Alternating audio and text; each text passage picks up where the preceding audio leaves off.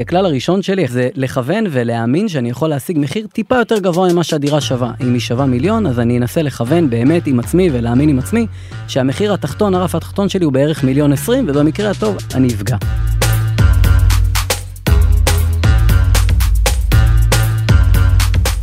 אהלן, אני גיא ליברמן מגלובס ואתם על כסף בקיר. פודקאסט על אנשים שמשקיעים בנדל"ן. הפרק היום נולד אצלי בראש כשניסיתי למכור את הדירה שלי, והתהליך, איך נגיד, היה מלא בסימני שאלה. אז כדי לנסות ולצייד אותנו בידע רלוונטי מעשי, ואולי אפילו קצת מתוחכם, הזמנתי לכאן את אביחי אייל מתל אביב שיסביר לנו איך למכור נכון את הבית שלנו. הוא בן 37, נשוי טרי, ולמעלה מעשור הוא שקוע כולו בעולם הנדל"ן. פעם כמשקיע, פעם כמתווך, וגם כמלווה משקיעים. אז איך מתמחרים נכון נכס, באיזה מחיר התחלתי כדאי להציג את הדירה, ולמה כדאי להצטייד במפיץ ריח. כסף בקיר, בפרק שחייבים לשמוע עד הסוף. מתחילים כרגיל עם בריף קצר על האורח שלנו, בואו נתחיל. אביחי אייל, בן 37, נכנסתי לעולם הנדל"ן לגמרי בטעות. בעלת הדירה שלי פרסמה את הדירה שלה להשכרה והבינה שהיא... אין לה מושג איך לעשות את זה, חרדית מבני ברק פרסמה את זה בכלל בעיתון. ביקשה ממני שאני אפרסם את הדירה להשכרה.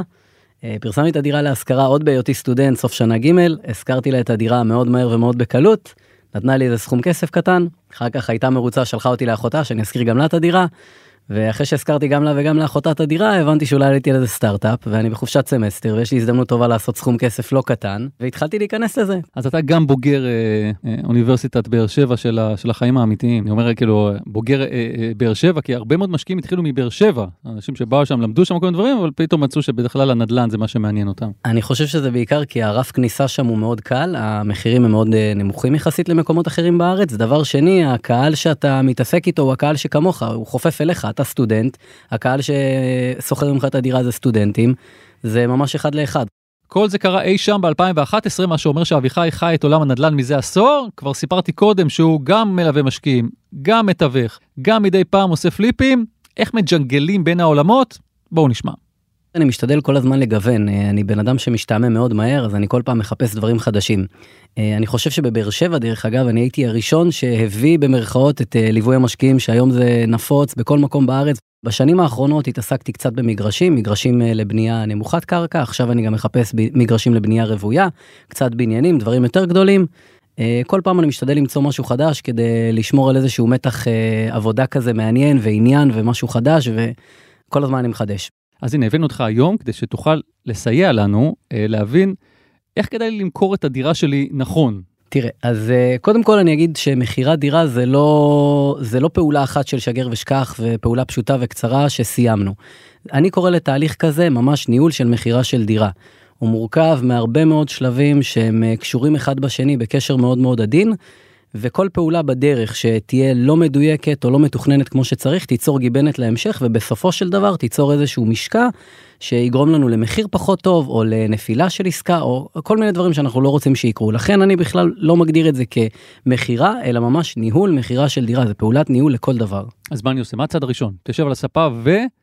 קודם כל, חשוב מאוד שתהיה גמירות דעת בנושא הזה. זה נושא שהרבה מאוד פעמים אנשים לוקחים אותו קצת בקלות דעת, בין אם אני לבד, בין אם אני עם אישה ובין אם אני עם כמה אחים שירשנו דירה, ואומרים יאללה בוא נמכור את הדירה לפני שאנחנו מבינים את המשמעויות הכלכליות, המיסויות, זמן שצריך להשקיע, כמה בסוף יישאר באמת לכל אחד בכיס.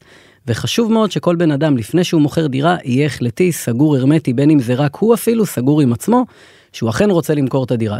אני בחיפושים שלי בעצמי אחרי דירה הגעתי לאיזה בית פרטי אה, שנראה מחיר מאוד זול והכל ככה זה היה בטווח האפשרויות שלי והייתה שם מתווכת והיא אמרה לי, תשמע, יש פה אה, אה, לא מעט יורשים, אבל הכל בסדר, הם סגורים על עצמם, והתברר שהם ממש לא סגורים על עצמם, וכשניסינו קצת להתקדם, גיליתי שאחד האחים בעצם רוצה לרכוש את, ה, את הנכס, והאחים שלו לא נותנים לו, ובסוף העסקה הזאת בכלל נפלה. אני יכול להגיד לך שבשנים האחרונות זה קורה המון, וכל הזמן, כל זמן ששוק הנדל"ן הוא רותח ובעלייה, אנשים אומרים, אני אמכור במיליון, הם פתאום מקבלים את המיליון שקל שהם רוצים, הם מחליטים, אולי זה מעט מדי, אולי נמכור במיליון חמישים, או נעלה למיליון מאה, או נחכה עוד חצי שנה, עוד שנה.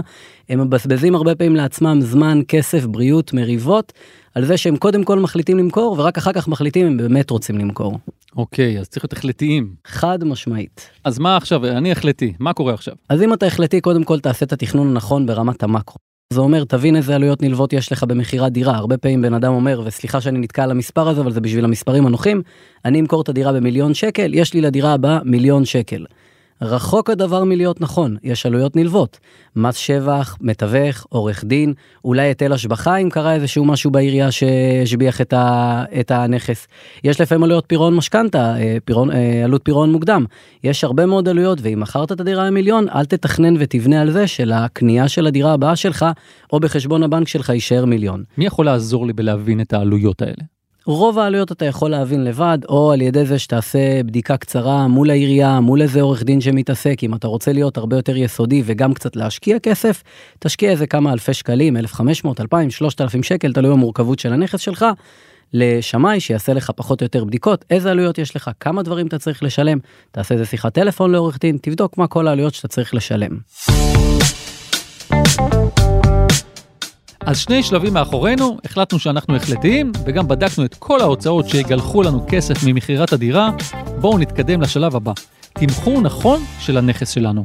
חשוב מאוד לתמחר את הנכס נכון. אני רואה הרבה מאוד אנשים שמתמחרים את הנכס שלהם על פי כמה כסף שהם צריכים. אני צריך עכשיו לדירה הבאה שלי מיליון שקל, המחיר שאני רוצה מיליון שקל. איך אני מתמחר אותה נכון? זה מאוד מאוד תלוי באיזה סוג של בן אדם אתה. אם אתה בן אדם שקצת אוהב לעבוד, אתה יכול יחסית להגיע למחיר פלוס מינוס מדויק, על ידי זה שתסתכל בהיסטוריה של העסקאות שנעשו באזור שלך בנכסים דומים. אגב, אני שם כוכבית, אני מדבר על נכסים גנריים, בהנחה שהדירה שלך היא דירה סטנדרטית, שלושה חדרים נניח, 80 מטר, חנייה, מעלית, ויש המון דירות כאלה מסביבך. איפה אני מוצא את זה? באתר רשות המיסים? באתר רשות המיסים, במדלן, בנדל"ן.gov. אתה גם יכול אפילו להסתכל אם אתה מאוד מאוד יסודי, פרסומים שיש ביד 2, להתקשר לבעלי הנכסים, לשאול אותם אם הם מוכרים, אם מכרו, כמה הצעות פחות או יותר הם קיבלו, להת... להתייעץ עם מתווכים, מה קרה בעבר, מה קורה כרגע. יש הרבה מאוד אופציות. חשוב לציין אם כבר דיברנו על אתר רשות המיסים ועל אתר מדלן, לא תמיד העסקאות שמדווחות כמו שצריך. לפעמים המטראז' לא מדויק, לפעמים המחיר הוא לא תמיד דווח נכון, לפעמים הרבה פעמים יש אנשים שיש להם מס שבח לשלם, הם מכרו את הדירה למיליון, אבל אמרו לקונה, תקשיב, תשלם לי רק 920, 80 אלף שקל תשלם לי במזומן, אני כבר אתמודד עם המזומן הזה ואני אחסוך לי קצת כסף במס שבח. ולכן אתה רואה את זה כ-920, בפועל העסקה הזאת היא מיליון לכל דבר. איך אתה רואה את האתרים, יש כמה כאלה, ואפילו התארחו אצלנו בפודקאסט. אה, אם זה יד 2, מדלן, אה, די רובוט, אה, שנותנים לך היום שיערוך של הנכס שלך, זאת אומרת, אתה מכניס את הפרמטרים והם אומרים לך פחות או יותר, זה המחיר.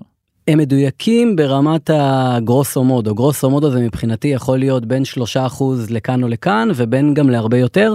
מבחינתי זה לא מספיק מדויק וחייבים חייבים חייבים לעשות ליטושים. הגעתי למסקנה שהנכס שלי לצורך העניין שווה מיליון שקלים. אחרי כל הבדיקות שלי, מה אני עושה עכשיו? אני חושב שהדבר הראשון שאתה צריך לעשות זה להגיע עם עצמך להחלטה שאם הגעת למצב שהנכס שלך בעיניך שווה מיליון, אתה כרגע מכוון לרף תחתון, תחתון, תחתון של מיליון עשרים שקל או פחות. חשוב מאוד שתהיה מגובש על זה עם עצמך מכמה טעמים. דבר ראשון, כשאתה משדר שאתה מוכן לסגור במיליון עשרים, הצד השני ינסה טיפה להתקרב לכיוון המיליון עשרים. כשאתה מכוונן עם עצמך למיליון, הצד השני ינסה להתכוונן אולי לכיוון המיליון, ובסוף אתם יכולים לסגור ב-990-980. מה שנקרא, קודם כל תכוון גבוה, אולי תפגע גבוה. דבר שני, תאמין עם עצמך בטיפה יותר גבוה, והצד השני ירגיש שאתה בטיפה יותר גבוה. אבל אתה יודע שאומרים לי מיליון עשרים לצורך הדוגמה, וגם לא לצורך הדוגמה, אז אני מרגיש שה-20 הזה נועד לצורכי המשא ומתן. הנקודה שלך מדהימה, ולכן אני גם אומר, תמיד אני אוהב להגיד, אני, אם אני חושב שהנכס שווה מיליון, אני לא אגיד מיליון 20, אני אגיד מיליון 60, אני אקח 5-6 אחוז מעל אותה מיליון. לגבי ה-20, אני לא בהכרח מסכים עם הנקודה הזאת, למרות שהרבה מרגישים שכן יש עליה איזושהי צביטה. אני תמיד כשבן אדם פונה אליי ואומר לי את זה, אני אומר לו, תקשיב, אני בכנות בדקתי, אני חושב שהנכס אפילו שווה טיפה יותר, אבל יש לי איזשהו לחץ קטן למכור את הדירה, הורדתי את ה-20-30 אלף שקל כדי לעשות עסקה מהירה וכמה שיותר מהירה. אני מראה לצד השני נכונות, אני מראה לצד השני שהייתה חשיבה מאחורי המחיר, וזה לא סתם להרוויח עוד 20 אלף שקלים, אלא אני חשבתי שהוא שווה בכלל מיליון חמישים, ולמרות שחשבתי שהוא שווה מיליון חמישים, יש לי נכונות, יש לי רצון למכור את הדירה, והתפשרתי עד לכיוון המיליון עשרים כדי לתקתק את העניינים מהר. אז שורה תחתונה, אם אני מרגיש שהנכס שלי שווה X, אני מציע אותו ב-X פלוס אה, חמישה שישה אחוז. חמישה שישה אחוזים בשביל להגיע לקצת יותר מה-X הזה. בשביל לקוות שאני אצליח להגיע לקצת יותר מה-X הזה, במקרה הטוב נפגע.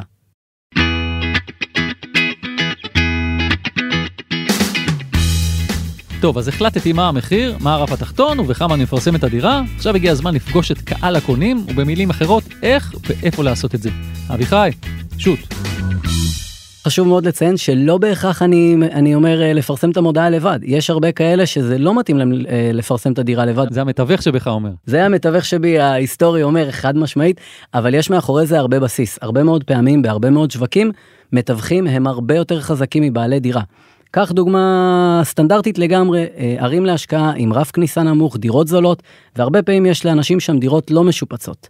כמה מקצועי שאני כמוכר לא אהיה, ואיש שיווק טוב ואיש מכירות טוב, אותו מתווך שנמצא לידי וינסה למכור את אותו נכס כמו שלי, יהיה לו הרבה יותר קל.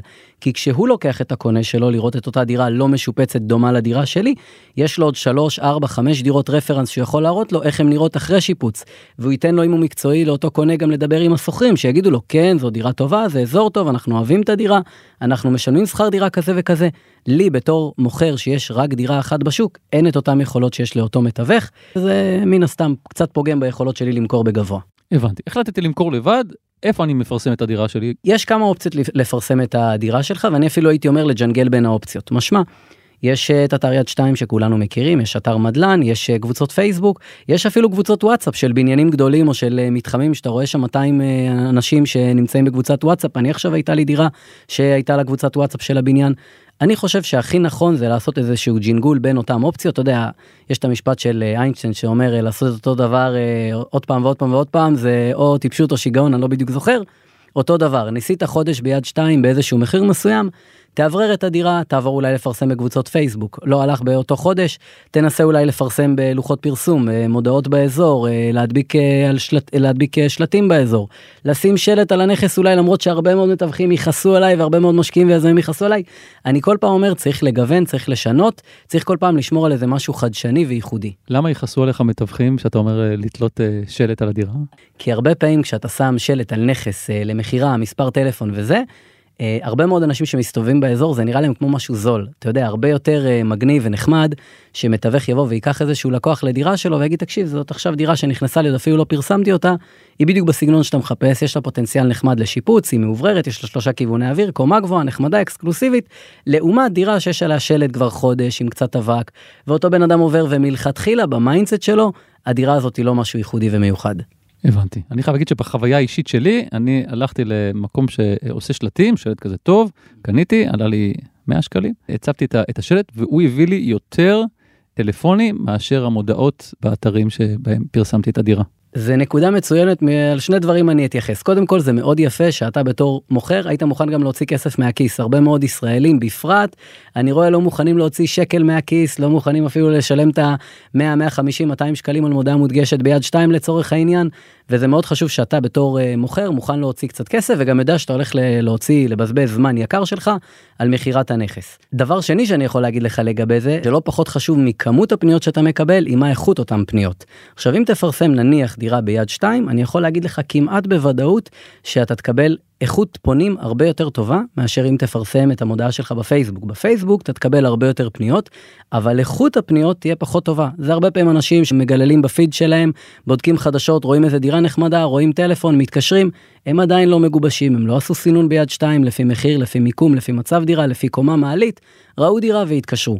אז כמות האנשים היא בהחלט אה, נותנת איזשהו משקל, אבל לא פחות חשוב מזה, זה גם האיכות האנשים. איך אני צריך להתייחס לאנשים שפונים אליי? האם אני צריך לתת לכל אחד את המניפסט של הכל, או, או אני יכול להרגיש כבר מי ככה סתם אה, בודק את השטח, ובאמת כדאי לי להשקיע זמן. אני חושב שמעבר להכל נדל"ן זה לא מתמטיקה. אחד ועוד אחד לא תמיד שווה שתיים, ואתה יכול להיות מאוד מופתע מאנשים כאלה או אחרים שהתקשרו, נראה לך שהם בלבלו את השכל, ואתה יודע מה יכול להיות שעכשיו הם לא בשלים, אבל עוד חודש הם יהיו סופר בשלים וירצו לקנות את אותה דירה. אני תמיד טוען שאם אתה נמצא בדירה והזמן שלך הוא לא כזה יקר ובכל זאת אתה כבר בדירה ואתה יכול להראות אותה, אל תפסול בהכרח אנשים, תעשו להיות מופתע לטובה. מעבר לזה אני יכול להגיד לך, אם הדירה היא מושכרת, אז כן, חד משמעית רצוי לעשות איזשהו סינון מסוים, לא לשגע את השוכרים, חשוב שהשוכרים שלך בדירה יהיו חיוביים, נחמדים, מזמינים אה, וימכרו את הדירה בשבילך. אוקיי, שאלה נוספת בתחום הזה, כמה אני צריך להילחץ מזה שהמודעה שלי נמצאת באוויר כבר חודשיים, שלושה, ואני לא מצליח למכור. אני, בתחושה שלי, הנה, כולם מסתכלים, כולם רואים שהמודעה שלי שם, וזה לא קורה. עכשיו הלחץ עליי אולי להוריד מחיר. קודם כל מפחיד, אני אומר לך בכנות, מפחיד, כי הרבה מאוד פעמים אנשים שהם לא מהתחום, בנו על מיליון שקל, פרסמו מיליון חמישים, מקבלים טלפון אחד בשבוע, שני טלפונים בשבוע, וגם הטלפונים האלה מאוד מכבים אותם. תמיד חשוב להיות, כמו שאמרתי, אתם נכנסים לעסקה הזאת, זה ניהול לכל דבר. תמיד חשוב להיות עם יד על הדופק, תמיד חשוב לעשות חישוב מסלול מחדש. לא קיבלתם את המחיר, אפשר טיפה להוריד אותו. תוך כמה זמן? שבועיים אני לא מקבל טלפון, או אחרי חודש אני מקבל טלפון שלי עם, עם 20 אחוז פחות ממה שאני רציתי. תראה, קודם כל אם זה בשוק דינמי כמו דירות להשקעה זולות ואתה לא מקבל טלפונים, חד משמעית תעשה חישוב מסלול מחדש, זה שוק שהוא מאוד ער ואתה אמור לקבל הרבה טלפונים, מהר מהר מהר תוריד את המחיר, או תלך תתייעץ עם כמה מתווכים, תראה איפה טעית. יכול להיות אפילו שהמלל הוא לא מדויק, יכול להיות שכמה דברים חשובים לגבי הדירה לא כתבת. לגבי נושא אחר, במידה והדירה שלך היא בשוק מאוד ייחודי, וילה בקיסריה, מגרש ענק, 15, 20, 30 מיליון שקל, אין מה לעשות, זה שוק שהוא מאוד מאוד, הוא זז וזוחל בקצב הרבה יותר איטי, ואם קיבלת טלפון פעם בשבועיים שלושה, הכל בסדר, יכול להיות שאתה עדיין ברף המחיר. יש מעט קונים לנכסים האלה. צרות של עשירים.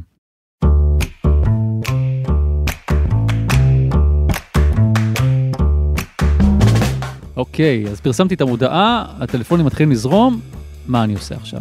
קודם כל חשוב להגיד, אמ, המשא ומתן שלך התחיל בעצם עוד מהמשפט הראשון שאמרנו בשיחה.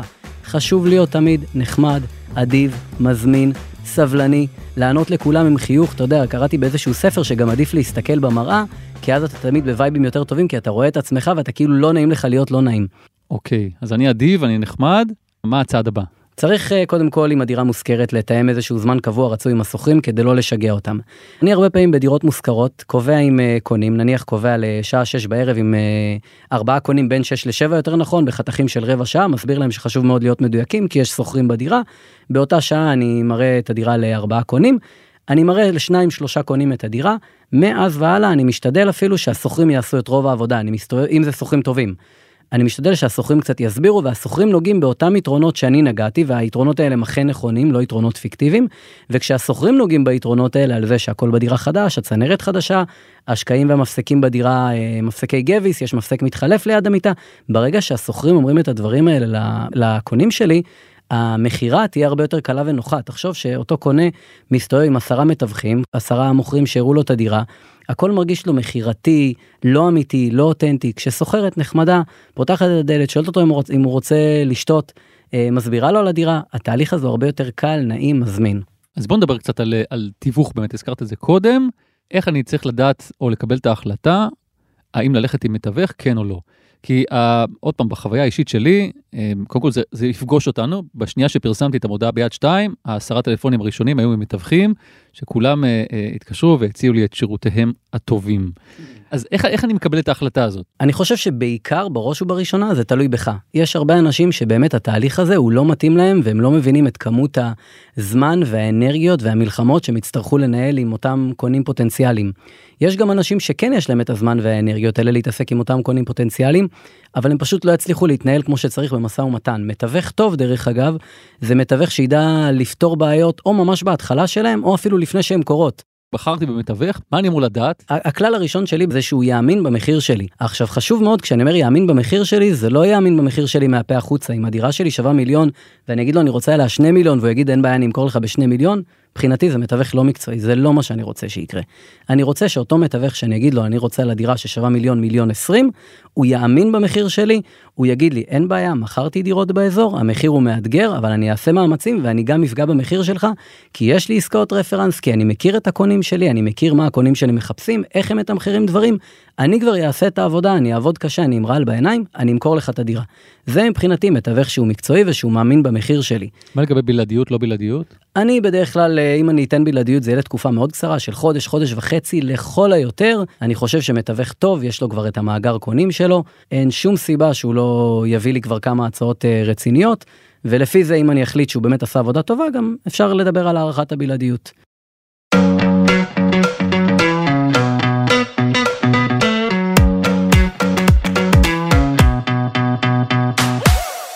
זוכרים שאביחי דיבר על ניהול המכירה? אז יש לו עוד כמה מילים להגיד על זה, ומה אסור לנו לקבל.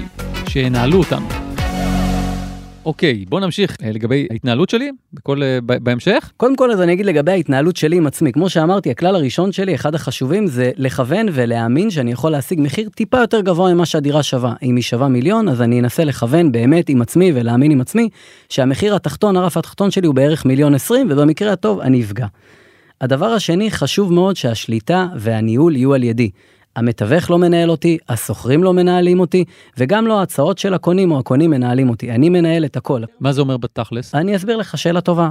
אם אפילו קונה ראה היום איתי את הדירה והוא יגיד לי מחר אני אדבר איתך, אני לא יודע אם מחר הוא ידבר איתי, יכול להיות שהוא ישכח, יכול להיות שזה יברח לו מהראש, יכול להיות שהוא ידבר איתי עוד שלושה ימים, הוא ראה בדרך עוד נכסים, זה לא מה שיקרה, אני אגיד לו, תקשיב, מחר יש לי יום קצת עמוס, אם לא אכפת לך, אני אתקשר אליך בערב, כשאני אתפנה, יש לי פשוט כמה סידורים מחר, בערב נדבר בנחת, אני ואתה, איזה שעה נוח לך, ואז השליטה היא אצלי, אבל זה לא נראה שאני רודף אחרי הקונה. הוא אמר לי, אני אדבר איתך, אמרתי מצוין, אבל השליטה היא אצלי, אני אתקשר מתי שקבעתי איתו, והשליטה היא תמיד אצלי. רציתי לשאול אותך, עכשיו התחלתי להראות את הדירה לאנשים, נכנסים אליי הביתה, אם זה עם מתווך, אם זה שוכרים.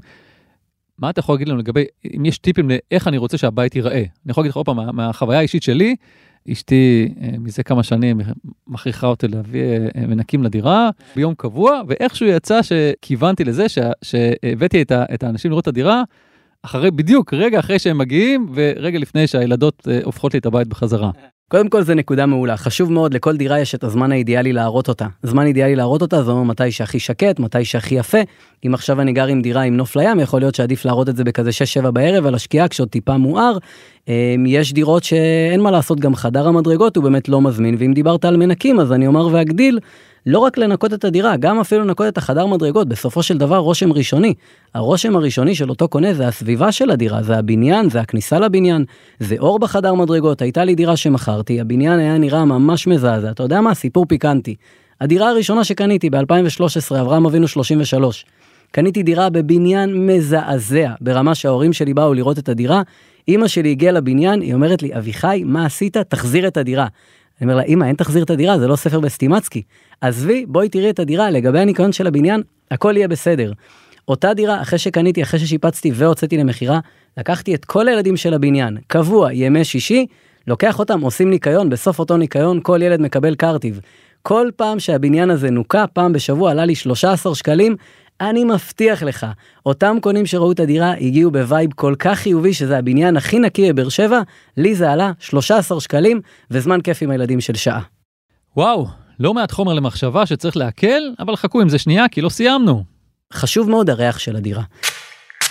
אה, אני תמיד אה, בדירות שלי, אני דואג שקודם כל הדירות יהיו נקיות, ומעבר לזה אני גם דואג לשים איזשהו ריחן כזה, מפיץ ריח אוטומטי, כל שעה יש פריץ כזה של ריח. אני הכי ממליץ אגב על אושן בריז, זה עושה אווירה כזאת טובה של בית מלון, וכשקונה מגיע לדירה, הוא נכנס, הדבר הראשון שהוא קולט זה המראה והריח.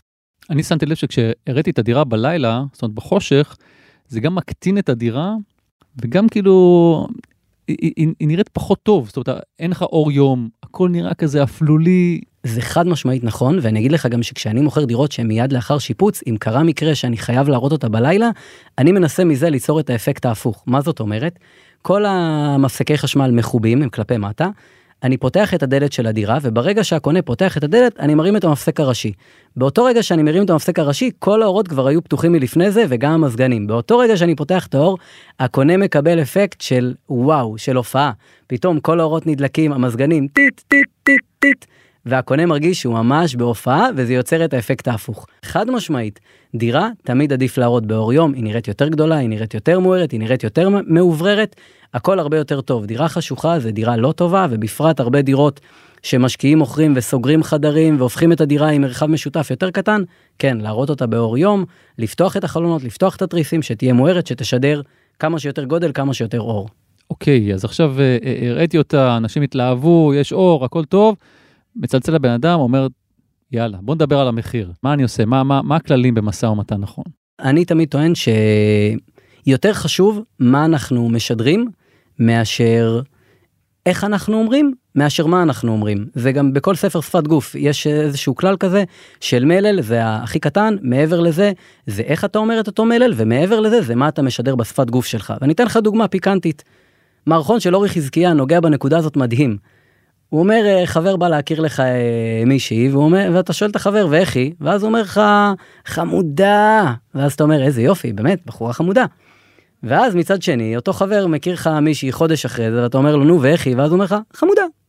ואז אתה אומר רגע רגע רגע משהו פה בטון קצת פחות נשמע לי אז חשוב מאוד לשים לב לטון. הטון חייב להיות אה, נחמד השפת גוף חייבת להיות מזמינה פתוחה אתה חייב לחייך לאותו בן אדם אתה חייב לזרום איתו בכיוון כזה טוב ונחמד ונעים וברגע שהוא אומר לך בוא נדבר על המחיר, אתה תעשה את זה בצורה טובה, אתה קודם כל תגיד לו מה המחיר שאתה רוצה, מה, על איזה מחיר אתה חשבת, כי אני בכנות תמכרתי את המחיר שלי, עשיתי חישוב, זה מה שראיתי שהולך באזור, מה המחיר שאתה חושב, בצורה באמת הכי טובה, הכי נעימה.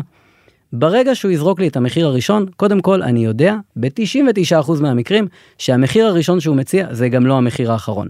ולכן אני אגיד לו, אה, קשה לי אחי, זה, זה מחיר רחוק, זה, עזוב, זה נראה לי אולי פחות בשבילך. אל תפחדו מלהגיד את הדבר הזה, רוב הקונים הם רוצים את הדירה, הוא ירגיש שאתה אפילו טיפה נפגעת, אמרנו שפת גוף, מלל, מה אתה משדר, הוא ירגיש שנפגעת, הוא יגיד לך לא לא חכה תקשיב, אני קצת קשה לי עם התקציב הזה וזה, בוא בוא תגיד לי מה הכיוון שלך, אז אני אגיד לו תקשיב, הכל בסדר, בוא תנסה לראות רגע מה אתה יכול להתאמץ. אני, אני אחשוב עם עצמי, אל תדאג, אבל תנסה רגע לחשוב עם עצמך מה אתה יכול להתאמץ, ואם אתה יכול טיפה להעלות את המחיר. אני תמיד רוצה שההצעה הראשונית שהוא הציע, זה לא תהיה באמת ההצעה הראשונה, אלא ההצעה השנייה שלו היא תהיה ההצעה הראשונה. יש איזשהו אפקט שנקרא אפקט העיגון. אה, ברגע שבן אדם זורק הצעה ראשונה, זה ההצעה שאנחנו מתאגנים עליה. גם המחיר שאני נתתי, המחיר הראשוני, זה המחיר שהתאגנו עליו. אני רוצה שהנקודת פתיחה הראשונה שלנו לא תהיה מהמחיר שלי והמחיר הראשון שלו, אלא מהמחיר שלי והמחיר השני שלו, שהוא יהיה מחיר ראשון משופר. איך אני גורם לזה עכשיו, עכשיו נתן לי מחיר משופר, אבל הוא עדיין רחוק מהמחיר שלי, אנשים אומרים, אה, אוקיי, אמרת מיליון, זורק לי 900, ואחרי זה מתקשר, אומר לי, אוקיי, 920. כאילו להראות לי שהנה, הוא התקדם קצת לכיוון שלי. תראה, אני, אתן, אני, אני אתחיל מקצב הירידות. קצב הירידות שלנו אסור שהוא יהיה אחיד. זאת אומרת, אני לא בכל שיחה מוריד עשרת אלפים ועוד עשרת אלפים ועוד עשרת אלפים ועוד עשרת אלפים, זה נראה מלאכותי, זה לא אותנטי, אין בזה היגיון. קצב הירידות שלנו אה, הוא חייב להיות בצורה אקספוננציאלית יורדת. זאת אומרת, ההורדה הראשונה שלי תהיה נניח 25 אלף שקלים. ההורדה השנייה שלי היא כבר לא תהיה 25 אלף שקלים, היא תהיה 15 אלף שקלים. השלישית שלי תהיה 10,000 שקלים, הרביעית שלי תהיה 5,000 שקלים, אני אגיד לו זהו, אני חנוק, אני לא מוריד יותר. זה גורם לזה שהמשא ומתן שלי הוא נראה באמת כנה, אני כל פעם מתאמץ ואני מוריד עוד טיפה ועוד טיפה ואני כבר די, אני חנוק, אני בקצה, אני בעדים. מעבר לזה, המחיר האחרון שלי שאני גם מסיים בו, זה אף פעם כמעט לא יהיה מחיר עגול. רוב העסקאות שאני עשיתי זה היה מיליון 670 נניח, ואז הוא אומר לי, תשמע, אתה חייב להוריד עוד טיפה, אני אומר לו, עזוב, 2,500 אחרונים, די, אני חנוק, מיליון, 600, 57, 500, מחיר אחרון, זהו, מעבר לזה אנחנו לא יורדים. הקונה מרגיש שבאמת עשיתי את המאמצים העילאיים הכי גדולים שאני יכול בשביל להגיע למחיר המינימלי המינימלי שלו. כמה רחוק היית ממליץ לאנשים לרדת מהמחיר הראשוני שאמרת, בהתחלה אמרת, זה המחיר שלי, זה מה שהחלטתי, מיליון שקלים, אני בוודאות יודע שזה המחיר הנכון, כמה רחוק היית, היית מתרחק, בהנחה שאתה באמת לא לחוץ על הכסף כרגע. אם אני לא לחוץ על הכסף, אני חושב שאני באמת לא הייתי מתפשר יותר מדי, אני הייתי מכוון למיליון. שוב, צריך גם לקחת בחשבון אבל, שהזמן שלי הוא גם יקר. אם עכשיו זה פוגע לי באיכות חיים, ואני גר עם אה, אישה ושני ילדים, וכל אה, קונה כזה שבא לראות את הדירה, הוא קצת פוגע לי באיכות חיים, ואני הייטקיסט שמרוויח 40 אלף שקל בחודש, אתה יודע מה? יכול להיות שאני אגיד אין בעיה אני אוותר על 10,000 20 30 אלף שקלים ויסגור את הסיפור הזה מצאתי קונה נחמד שלם לי כמה שקלים יותר האיכות חיים שלי של האישה של הילדים שלי יותר חשובים. אבל יש מקרים שבהם אני אגיד לך לא הדירה שווה מיליון כרגע יש לי מתווך שעובד על הדירה יש לי שוכרים שנמצאים בדירה משלמים את השכר דירה מכסים לי את המשכנתה אין שום סיבה שאני אתפשר. על מה קם ונופל משא ומתן מבחינתך? תראה, קודם כל משא ומתן קם ונופל על הכנה טובה, על זה שאני אכיר את המחיר של הדירה שלי, ולמה היא מתומחרת כמו שהיא מתומחרת, ומי המתחרים שלי, ולמה הדירות שלהם נמכרות במחירים שהן נמכרות, ומה המתווכים מציעים כרגע מסביבי. אה, ככל שאני אהיה יותר מוכן, יותר בקיא, ככה אני במשא ומתן אצליח יותר. אה, כולל אגב להיות מוכן למקרים ותגובות, אתה יודע, אני תמיד אומר, אה, יש, יש בהרבה דירות, אין מה לעשות, חסרונות כאלה ואחרים. אני תמיד טוען שאין דבר כזה דירה עם חסרונות. אם עכשיו הדירה שלי קטנה, אז זה לא חיסרון, זה פחות תשלום בארנונה, זה פחות לנקות, זה דירה יותר משפחתית, זה דירה יותר אינטימית, זה לא חיסרון. אם הדירה שלי בקומה גבוהה, אז יש אוויר יותר טוב, אני לא שומע את התחנות אוטובוס למטה, אני עולה מדרגות, אני שומר על בריאות שלי. אז אני תמיד טוען, דבר ראשון, אין דבר כזה חסרונות, תהיו מוכנים לכל uh, התנגדות כזאת, כי זה לא חיסרון. אתה יודע מה, אני עכשיו הדירה שמכרתי בפתח תקווה היא דירה קטנה, ואני גיליתי תוך כדי שמתחת ל-75 מטר ב- ב- בשכונה שלי, הארנונה היא יורדת ב-50% כמעט בתמחור שלה, זה יתרון מטורף, זה כמה מאות שקלים כל חודש וכמה אלפי שקלים כל שנה. אז אם כבר נגעת בנקודה הזאת, אולי זה מתחבר למה שאמרנו קודם, מגיעים אה, אה, קונים פוטנציאליים, איזה יתרונות היית מצביע עליהם בדירה? זאת אומרת, היית מצ... מה, מה הדברים שהכי חשובים לקונים? לא יודע, מטבח זה הדבר הראשון שעולה לי בראש, אבל איזה דברים אתה אומר, אתה, מס- כאילו כמובן זה כל דירה ויש לה את האיכות שלה, אבל איזה דברים ככה קונים אותנו בגדול. אני חושב שאם הקהל שלנו הוא קהל של משקיעים, הדבר שהכי קונה אותם זה תשואה ומיקום בקרבת מוקדי עניין. זאת אומרת, מה התשואה שהדירה נותנת, ומה הקרבה, נניח לאוניברסיטה או למוסד אקדמאי כזה או אחר, ששם בסופו של דבר זה רוב קהל היעד. פחות מעניין אותם אם זה ברזים של חברה מאוד נחשבת, או אסלה כזאת. חד משמעית, אני גם יכול להגיד לך שאתה יכול לעשות שיפוץ ב, ב, ברמת הבסיס, דלתות חדשות אבל הכי פשוטות, אסלות חדשות אבל הכי פשוטות, ריצוף ב-40 שקלים למטר מפרפקט ליין, סליחה על הפרסום, אבל uh, אותם קונים לא יודעים אם הריצוף הזה עלה 40 שקלים למטר או 90 שקלים ונציאני איטלקי לא יודע מה. זה נראה טוב, זה מרגיש טוב.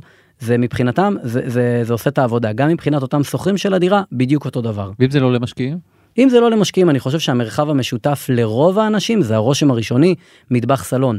אגב אם הקהל שלך הוא, הוא, הוא חבר'ה דתיים שאצלי עכשיו בדירה בפתח תקווה שמכרתי נתקלתי בזה היה להם מאוד חשוב שיהיה להם את הברז נטילת ידיים וכיור בשרי חלבי.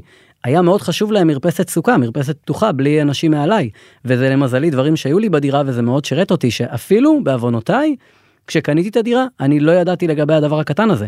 אז כמו שאמרתי, כמה שאתה לא מקצועי, עושה הכנה טובה, תמיד אפשר ללמוד, תמיד אפשר להשתפר, וזה מאוד חשוב, גם אני, אני תמיד, אה, אני אומר על עצמי עם עצמי, שאני קצת פסיכופת, ומכל משא ומתן אני רושם לי נקודות, ואני לא מוותר לעצמי בנושא הזה, ולדירה הבאה אני אהיה לי עוד איזה נקודה, ולדירה אחר כך תהיה לי עוד איזה נקודה, ואני כל הזמן אהיה במגמת שיפור.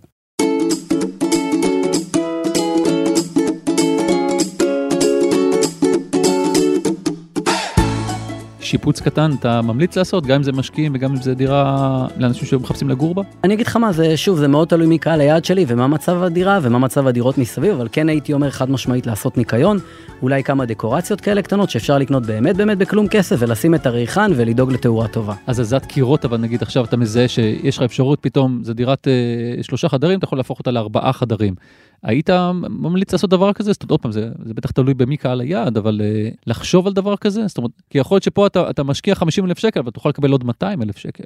כלכלית, חד משמעית, לשפץ דירה שהיא לא עם הפוטנציאל הממוקסם שלה, זה חד משמעית הדבר הכי נכון שיש uh, לעשות. כל דירה כמעט דרך אגב שאני קונה, מבחינתי לא מעניין מה יש בדירה, הייתה אפילו דירה אחת מחוברת שקניתי ולא ראיתי את התוכן שלה בפנים. ידעתי מה המבנה, ידעתי מה הצורה של הדירה, ידעתי את הכיווני האוויר, ידעתי הכל, לא ראיתי מבפנים מה הייתה הדירה, אבל זה לא עניין אותי כי ידעתי מה אני הולך לעשות בפנים. אני יכול להגיד לך שכלכלית, אם אתה יודע מה אתה עושה והדירה שלך היא לא משופצת, עם שיפוץ נכון אתה תצליח להרוויח כסף על הדירה, ואם אתה בנוי לעשות שיפוץ ויש לך את הכסף לשיפוץ ואת הזמן להתעסק בו, בדרך כלל זה יהיה מאוד כלכלי וייצא שכרך ברווח. אוקיי, אז אנחנו אחרי המשא ומתן, ויש לנו יחסים טובים והכל, ואנחנו עומדים ללחוץ יד, מה, עוד צריך לזכור, או כשכבר לחצנו יד? אמ, אני יכול להגיד לך קודם כל שאני תמיד תוך כדי המשא ומתן אני ממש בודק מי הבן אדם שלי גם בקטע של להביע עניין באדם אני בן אדם מטבעי מאוד סקרן מעניין אותי לדעת מה אנשים מולי מה הם עושים וכולי זה גם הרבה פעמים משרת אותי בסוף בעוד איזה כמה שקלים. ואני אתן לך דוגמה היו לי עכשיו אה, קונים במשא ומתן בדירה שלי בפתח תקווה סליחה שאני נותן אותה זה הדבר האחרון שעשיתי עד לפני שבוע. Um, היו לי שם קונים מאוד נחמדים גרים זוג צעיר שעומדים להתחתן גרים ביחידת דיור של ההורים. ובגלל שידעתי את כל הדברים האלה תוך כדי שיחה באמת נעימה של להביע עניין בהם הבנתי שלא היה להם קריטי כרגע לעבור לדירה.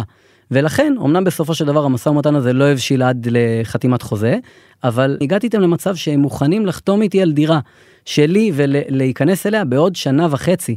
זאת אומרת, אני אקבל עכשיו את רוב הכסף, ורק בעוד שנה וחצי, ה-50% של המשכנתה שהם עומדים לקחת, רק אז אני אקבל אותם. 18 חודשים שבהם אני אקבל שכר דירה מלא מהסוחר שלי, פלוס 800 אלף שקלים שהם ישלמו לי כבר ביום החתימה. אני יכול להגיד לך שבלי להביע עניין באדם ולהיכנס בדבר הזה, אני לא הייתי מרוויח את זה וזה המון כסף וזו עסקה שהייתה עלולה פשוט לא לקרות בחיים אפילו או, כמעט שנחשוב עליה בגלל שהיה בינינו פערים גדולים במחיר. מהצד שלהם למה למה הם חשבו להסכים לדבר כזה בעצם? הם גרו בדירה של, אה, ביחידת דיור של ההורים שלהם, הם היו זוג שהם עומדים להתחתן, אז לא עומד להיות להם ילד בחצי שנה, שנה הקרובה כנראה, אז הם אומרים כרגע יש לנו יחידה של ההורים. אנחנו כרגע בזמן שלפני חתונה, עוד לפני הלחץ וההיסטריה של אה, לארגן את החתונה ממש on the spot. אנחנו מוכנים עכשיו לסגור את הדבר, לשים מאחורינו את הדבר הזה, ולהיכנס בעוד שנה וחצי בנחת כשאנחנו כבר כנראה נהיה לקראת ילד, או תוך כדי הריון, או דברים כאלה. לי, לי מבצבץ בראש שהם אה, פשוט נצמדים למדד הנדלן, מה שנקרא, הם פשוט אה, אה, צופים שהמחירים יהיו יותר גבוהים עוד שנה וחצי, ולכן הם רוצים לקבע את עצמם עם המחיר עכשיו. אתה יודע מה יכול מאוד להיות, ואם כן זה הדבר, אני בשמחה שמח אה, לעזור להם בזה, כי זה, זה בדיוק אה, ברור, אתה מקבל אחלה מימון. אני, אני מקבל אחלה מימון, כן, אני מקבל אחלה מימון ואני עוד ממשיך לקבל את השכירות, אז מבחינתי אין לי שום בעיה, ובמקרה הזה, אתה יודע מה, יש את העניין הזה שאומרים במשא ומתן תמיד כזה ווין ווין, זה באמת ווין ווין. הם יברזלו לעצמם מעכשיו דירה במחיר טוב, ואני אקבל עוד שכירות של שנה וחצי. איזה עוד דברים חשובים לדעת כשאני מוכר דירה? כי דיברנו על איך אתה מציג את הדירה, איך אתה אה, מפרסם אותה, המשא ומתן, יש עוד איזשהו שלב אה, שחשוב לדעת? אה, אני חושב ששלב שחשוב לדעת זה שברגע שהקונה שלנו אמר לנו כן, זה לא בהכרח עדיין אומר כן. אנחנו נתחיל טיוטות בין עורכי דין, ומהרגע הזה זה אצל עורכי הדין. ואצל הקונה שבאמת הוא כמו שאמרנו בהתחלה שברגע שהחלטת למכור דירה אז תחליט באמת ותהיה ודאי והחלטי על זה עם עצמך. גם הרבה הרבה קונים אומרים אני רוצה את הדירה ופתאום באיזשהו רגע בהמשך הדרך כשהדברים אצל עורכי דין הדברים נופלים או בגלל שהקונה החליט שהם נופלים או בגלל עורכי הדין. אז בוא ניגע קודם כל בעורכי הדין. אבל הקונה כבר אומר לי בשלב הזה תוריד את המודעה מיד שתיים. כן, אני אומר לקונה עד שהדברים לא חתומים, אני כרגע באמת, וזה באמת נכון, אני כרגע בכנות, אני איתך, אני לא הולך לאף אחד, גם אם לא קיבלתי עוד עשרת אלפים או עשרים אלף שקלים, המילה שלי מבחינתי ברזל, והרבה יותר חשוב לי מהעשרת אלפים או עשרים אלף שקלים, זה למצות את המשא ומתן עם אותו קונה. אבל כן חשוב לי להבהיר לו שמבחינתי כרגע זה אצל עורכי דין, ועד שאנחנו לא חותמים סופית, גם הוא יכול להתחרט, ובגלל שגם הוא יכול להתחרט, אז גם אני שומר לעצמי את האופציה וממשיך להראות לאחרים. כן, אני לא אזרום עם אף אחד על uh, טיוטות במקביל, כן, אני לא אתקדם עם אף אחד, אני גם לכל אחד שיבוא לראות את הדירה, אני אגיד לו כרגע זה בהתקדמות, זה עוד לא סופי, אתה יכול לראות את הדירה, ואם במידה ולא יקרה עם אותו קונה, לא תבשיל עם אותו קונה עסקה, אז חד משמעית אנחנו יכולים להתקדם לעסקה. אני אחזור לאותו עניין של עורכי הדין, חשוב להבין שעורך הדין מהרגע שאנחנו נתנו את זה לעורכי דין העניין הוא כבר לא אצלנו הוא כבר אצל עורכי הדין שלנו. עכשיו הרבה מאוד פעמים אני רואה אנשים שמקלים דעת בעורך הדין שלהם. בוחרים עורך דין שהוא קרוב משפחה או בוחרים עורך דין שייצג אותם באיזה תביעת ביטוח על רכב ונותן לנו מחיר טוב. זה שגיאה אני לא יכול אפילו להסביר כמה גדולה היא וכמה כבדה יכולה להיות בכיס. הגענו למחיר טוב הגענו לעסקה טובה עורך דין שלא יודע לעשות את העבודה שלו כמו שצריך ושוב חס וחלילה יש הרבה עורכי דין מצוינים אבל יש גם עורכי דין שאין מה לעשות הם לא מתעסקים עם מקרקעין כמו שאני עכשיו אגיד כמה שאתה לא תהיה כתב כלכלה מצוין אם אני עכשיו אגיד לך לכתוב על אה, אופנה אתה כנראה תהיה פחות מקצועי בזה. ולכן חשוב לבחור עורך דין שהוא קודם כל מתמחה במקרקעין. דבר שני יתעסק במקרקעין באותו אזור. דבר שלישי שיהיה יעיל וזמין לנו כל הזמן וזריז אם העורך דין לא יעשה את כל הדברים האלה עשוי מאוד לקרות מצב שהעסקה תימרח, שהעסקה תתמסמס, שהקונה יתקרר, שהעורך דין של הקונה יתחיל לאבד סבלנות. סופר חשוב שיהיה לו את כל הקריטריונים האלה. ומעל הכל, עורכי דין זה עם עם אגו. העורך דין שלי, האגו שלו הוא אפס, ואני לא אומר את זה בקטע רע, חס וחלילה, העורך דין שלי הוא גם חבר, אחד החברים הטובים שלי, האגו שלו הוא על רף המינימום. אני יושב איתו אצל עסקה עם עורך דין אחר, ועורך דין האחר באמת אני אומר לא מקצועי, והעורך דין שלי מפאר אותו בפני הקונה או המוכר שלו, אומר לו, אני מתלמד שלו, הוא, הוא, הוא יודע את העבודה הרבה יותר טוב ממני, תאמין, וזה בסדר. ככה צריך להיות, העורך דין צריך לעשות את כל מה שצריך כדי שהעסקה תצא לפועל בצורה טובה ומהירה. תגיד, אה, אולי איזה טיפ או שניים ספציפית למשקיעים בעת מכירת דירה שאתה יכול לתת לנו? אה, טיפ למשקיעים למכירת דירה זה קודם כל תנסו לדאוג לזמן פינוי כמה שיותר ארוך. אתה יודע, הרבה פעמים אה, הקונים והמוכרים מתעסקים הרבה מאוד במחיר, אבל זמן פינוי זה כסף שנמצא, זה כסף שנמצא על השולחן ולא מתייחסים אליו. אם עכשיו אותו קונה הולך לתת לי מיליון שקל ואני הולך לקבל שלושה חודשים אה, שכר דירה, או אותו קונה הולך לתת לי 980 אלף שקל ואני הולך לקבל שישה או שבעה חודשים שכר דירה, העסקה לפעמים יכולה להיות זהה ואפילו יותר טובה אם אני מקבל את ה-960 או 970 או 980 אלף שקל. ולכן, העסקה צריכה להתייחס גם למחיר וגם לזמן הפינוי. מעבר לזה, כשאני מוכר דירה להשקעה, אני לא פעם ולא פעמיים מתבייש להגיד לאותם קונים שלי, תקשיבו, אני אתן לכם הורדה קטנה במחיר, אבל אני רוצה לקבל עוד חודשיים שכר דירה. הרבה פעמים אני אפילו לא אגיד את זה בצורה כזאת אגרסיבית ובצורה כזאת אה, קשה. אני יכול להגיד לו אם העסקה נגיד קורית עכשיו ביוני, סתם דוגמה, אני יכול להגיד לו תקשיב, בוא נעשה חצי שנה זמן פינוי, אתה עומד לקנות את הדירה ולקחת משכנתה. תנצל ריביות סוף שנה, מה אכפת לך? בסוף שנה יש ריביות הרבה יותר טובות מהבנקים. קח את המשכנתה שלך בדצמבר, אני אמסור לך את הדירה בראשון לינואר 2022, אתה תרוויח ריביות סוף שנה, אני ארוויח כמה שקלים משלמים שכר דירה, כולנו הרווחנו והבנק הפסיד. אוקיי. וזה בדיוק הנקודה של אני והקונה ביחד, אני לא מנהל משא ומתן מול עצמי, אני מנהל את המשא ומתן ביחד עם הקונה, כדי ששנינו נגיע לעסקה הכי טובה שאפשר. כוכבית קטנה, ובעיקר אני. הבנתי. תגיד, אולי משהו אחרון, כמי שעשה הרבה עסקאות פליפים, אה, לא יודע אם זה הרבה, אתה תגיד לי אתה, אבל היום שווה עדיין לעשות עסקאות כאלה בישראל? זאת אומרת, אה, יש, יש פוטנציאל? תראה, אני לא אשקר לך, לפני 6-7 שנים היה הרבה יותר קל לעשות כמות עסקאות גדולה עם רווחים הרבה יותר גדולים. ככל שהזמן עובר יש הרבה יותר ידע בשוק, יש הרבה יותר שחקנים בשוק, ויש גם הרבה יותר מתווכים שהם כבר הרבה יותר מתוחכמים מפעם. פעם מתווכים לא היו קונים דירות, אה, היום הרבה מאוד מתווכים הם כבר קונים דירות. אה, יש היום הרבה יותר ידע בשוק, הרבה יותר תחכום, הרבה יותר מידע זמין ונגיש, רשות המיסים, מדלן, זה דברים שפעם היו הרבה פחות נגישים. הדירובוט, המדד של יד 2 שנותן לך מחיר משוערך ומדלן, זה דברים שמקשים הרבה יותר על למצוא מציאות. אבל מציאות עדיין יש ומציאות תמיד יהיו. פערי ידע בשוק תמיד יהיו, לא משנה כמה ידע זה יהיה נגיש. מוכרים שלחוצים למכור תמיד יהיו.